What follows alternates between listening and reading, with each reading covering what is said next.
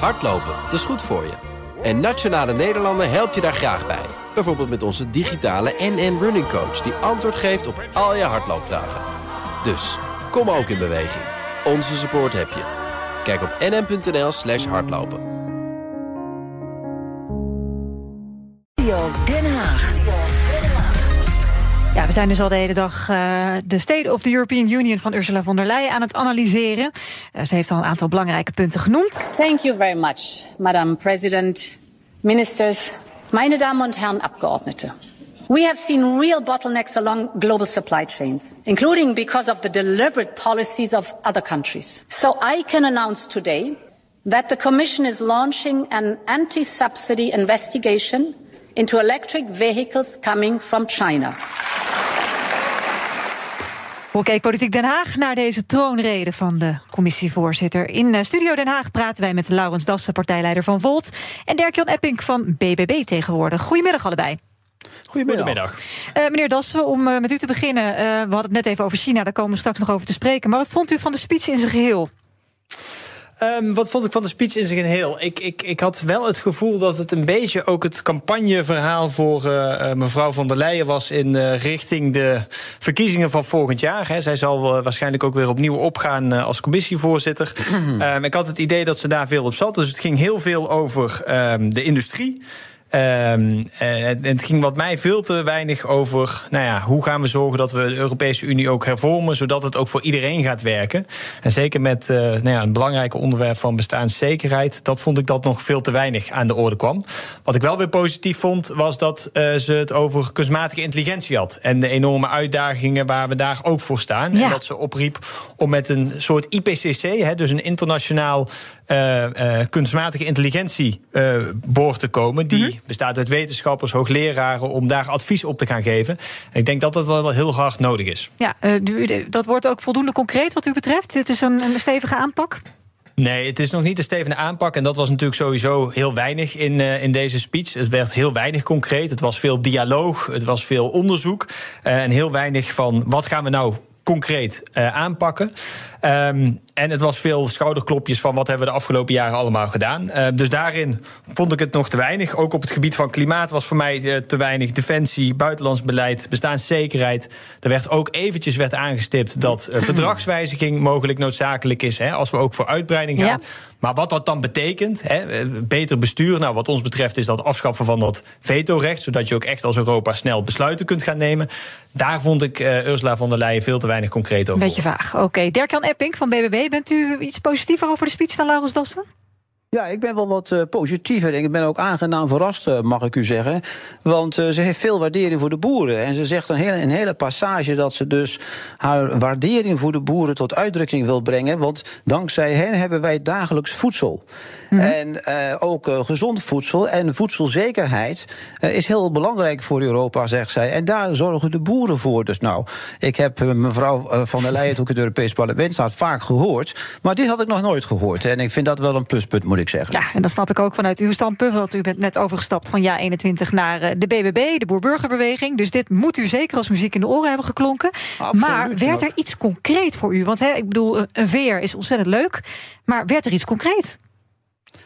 Be wat bedoelt u met concreet? Nou, is het, is, het, is het u duidelijk wat Van der Leyen precies wil voor de nou, boeren in Europa? Ja, ik denk, uh, ik denk dat dit een uitwerking is van de verkiezingsuitslag van de provinciale staten. Waarbij BWB grootste partij van Nederland werd. En dat heeft men in het buitenland ook gezien. En in Duitsland bijvoorbeeld ook. Uh, en in Frankrijk. En men heeft gezegd van ja, dat, dat, die fouten die men in Nederland maakt, moeten wij niet maken. We moeten waardering hebben voor de boeren. En ik hoor ook van politici in Duitsland en in Frankrijk, ja, wat jullie daar, daar doen, dat zouden wij nooit doen. We zouden zelfs niet durven. Mm -hmm. Dus wat dat betreft, en ook als je kijkt naar de, naar de Europese verkiezingen volgend jaar en de Europese Christen-Democraten, ja, die moeten ook van boeren hebben, uh, zijn die ook geschrokken. Dus het is niet voor niks dat wordt, wordt gezegd. Er zit ook een, een hele politieke realiteit achter. En men moet ook denken aan de herverkiezing van mevrouw van der Leyen zelf, hè, zoals de heer Das al zei. Ja. Nou, heeft u misschien net ook meegeluisterd naar Sigrid de Vries uh, van uh, ja. de Europese autobranche. zij is erg kritisch op het plan van von der Leyen dat uh, de Europese Commissie gaat onderzoeken of China met subsidies de verkoop van elektrische auto's hier in Europa stimuleert. Hè, dumping. Het zou marktverstorend werken. Meneer Dassen, wat denkt u? Vindt u het een, een, een, een goede actie van von der Leyen? Of zegt u nou nee, dit, is, dit gaat stap te ver? Nou, kijk, wat het blootlegt is dat we als Europa veel te laat in actie zijn gekomen om überhaupt te zorgen dat we deze transitie goed insteken. De Chinezen zijn hier al veel langer mee bezig. Europa heeft veel te lang op rem gestaan om ook te zorgen dat we de transitie naar duurzaam maken. En daar betalen we nu ook eh, de prijs voor. En in mijn optiek eh, helpt het dan niet alleen maar om te gaan zorgen dat er een bepaalde uh, ja, drempel wordt opgeworpen. We moeten zorgen dat Europa competitief wordt. En dat betekent dus ook dat we die klimaattransitie de energietransitie moeten versnellen. En daar heb ik van der Leyen veel te weinig over gehoord. En als je mhm. echt wil zorgen dat Europa competitief wil blijven, niet alleen maar op het gebied van elektrische auto's, maar ook op het gebied van waterstof, ook op het gebied van batterijen, dan is het noodzakelijk dat we in Europa gaan investeren in talent, in uh, ontwikkeling en onderzoek. En dat gebeurt op dit moment veel te weinig. Maar moet je dan niet ook China een, een halt toeroepen op dit vlak, wat ze nu eigenlijk probeert te doen? Nou, je moet in ieder geval zorgen dat uh, je zelf de, uh, de, versnelling ook in gang zet. En ja, het, natuurlijk, China uh, wordt ontzettend hard gesubsidieerd. Dus dan is het goed dat je daar wat tegenover stelt.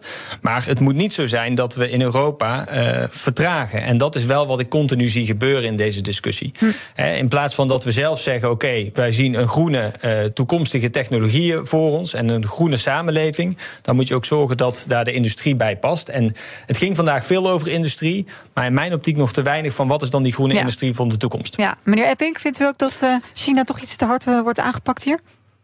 Nou, je moet eigenlijk kijken naar wat, eh, wat wil men precies onderzoeken. Men wil onderzoeken of eh, China ongeoorloofde subsidies geeft voor de verkoop of voor het aanbieden van auto's, eh, elektrische auto's in Europa. Ik moet eraan toevoegen dat elektrische auto's in Europa ook worden gesubsidieerd via belastingvoordelen. Mhm. en is dat geoorloofd of niet geoorloofd? Maar dan wordt het in elk geval niet onder de kostprijs aangeboden, zoals schijnbaar nou, in China gebeurt. Nou, of dat zo is, dat moet worden onderzocht. Hè. Dat is nog niet bewezen. en bovendien, ik denk ook dat landen met een grote auto-industrie die juist exporteren naar China, zoals Duitsland, met alle bekende merken, dat die hier niet op zitten te wachten. Want die denken zo dadelijk, ja, gaan wij ingrijpen, maar dan gaat China ook ingrijpen. Dat gaat ten koste van onze export. Dus dat is niet zomaar even goedgekeurd. Ik voeg er ook nog even aan toe dat een aantal maanden geleden mevrouw von der Leyen met eh, president Macron op bezoek was in China en daar eigenlijk protocolair wel vrij slecht werd behandeld, moet ik u eerlijk zeggen. Ja, dat klopt. Ze werd er een beetje behandeld als een soort van toerist. Ja. En een soort van voorzitter van een regionale organisatie. Dat is natuurlijk bij mevrouw von der Leyen uh, in de verkeerde keel gehad geschoten. Dus, uh, oh, u denkt dat het, uh, dat het, een wraakactie is? Nou, dit komt dus als een soort van aap uit de mouw. Uh, maar ik denk dat ze niet vergeten is hoe slecht ze daar is behandeld. Nee, ik wil met jullie nog tot slot even praten over de uitbreiding van de EU. Want von der Leyen zei daar het volgende over. We cannot and we should not wait for treaty change to move ahead with enlargement. A union fit for enlargement can be achieved faster. That means answering practical questions about how a union of over 30 countries will work in practice, and in particular about our capacity to act. The good news is that with every enlargement, those who said it would make us less efficient were proven wrong. Nou, Europese uitbreiding, dat moet ook sneller kunnen en het zou absoluut goed zijn. Meneer Dassen, uh, Volt is een zeer pro-Europese partij. Ook al wat betreft uitbreiding?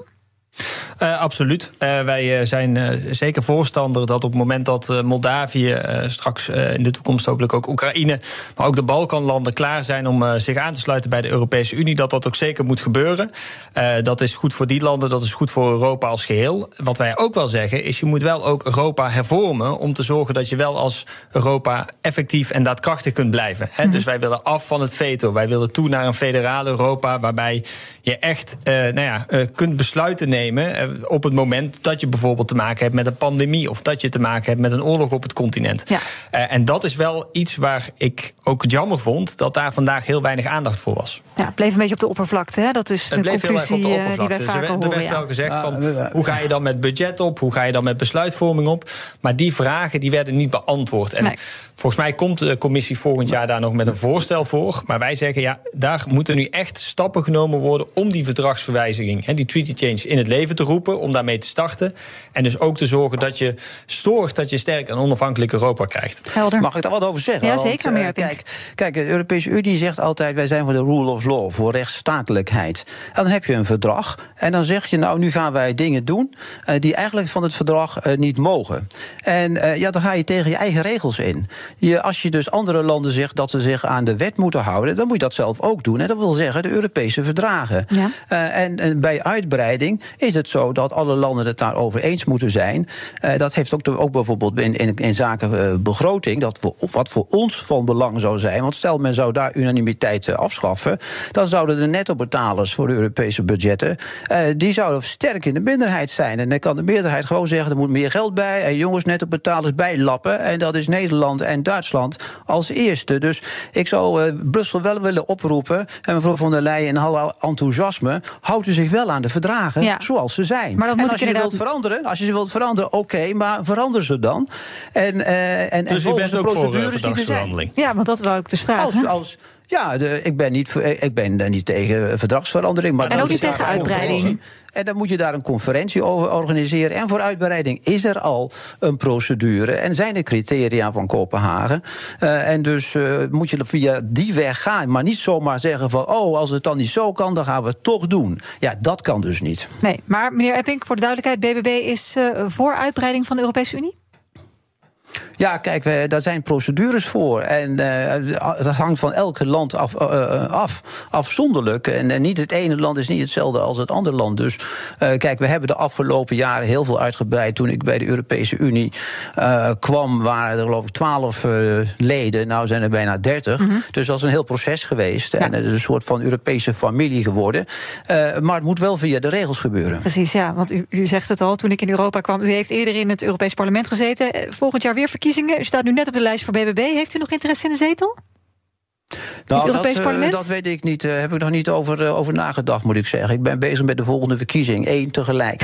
kan ik me indenken. Hartelijk dank. Dirk-Jan Epping van BBB. En Laurens Dassen, partijleider van Volt. Hardlopen, dat is goed voor je.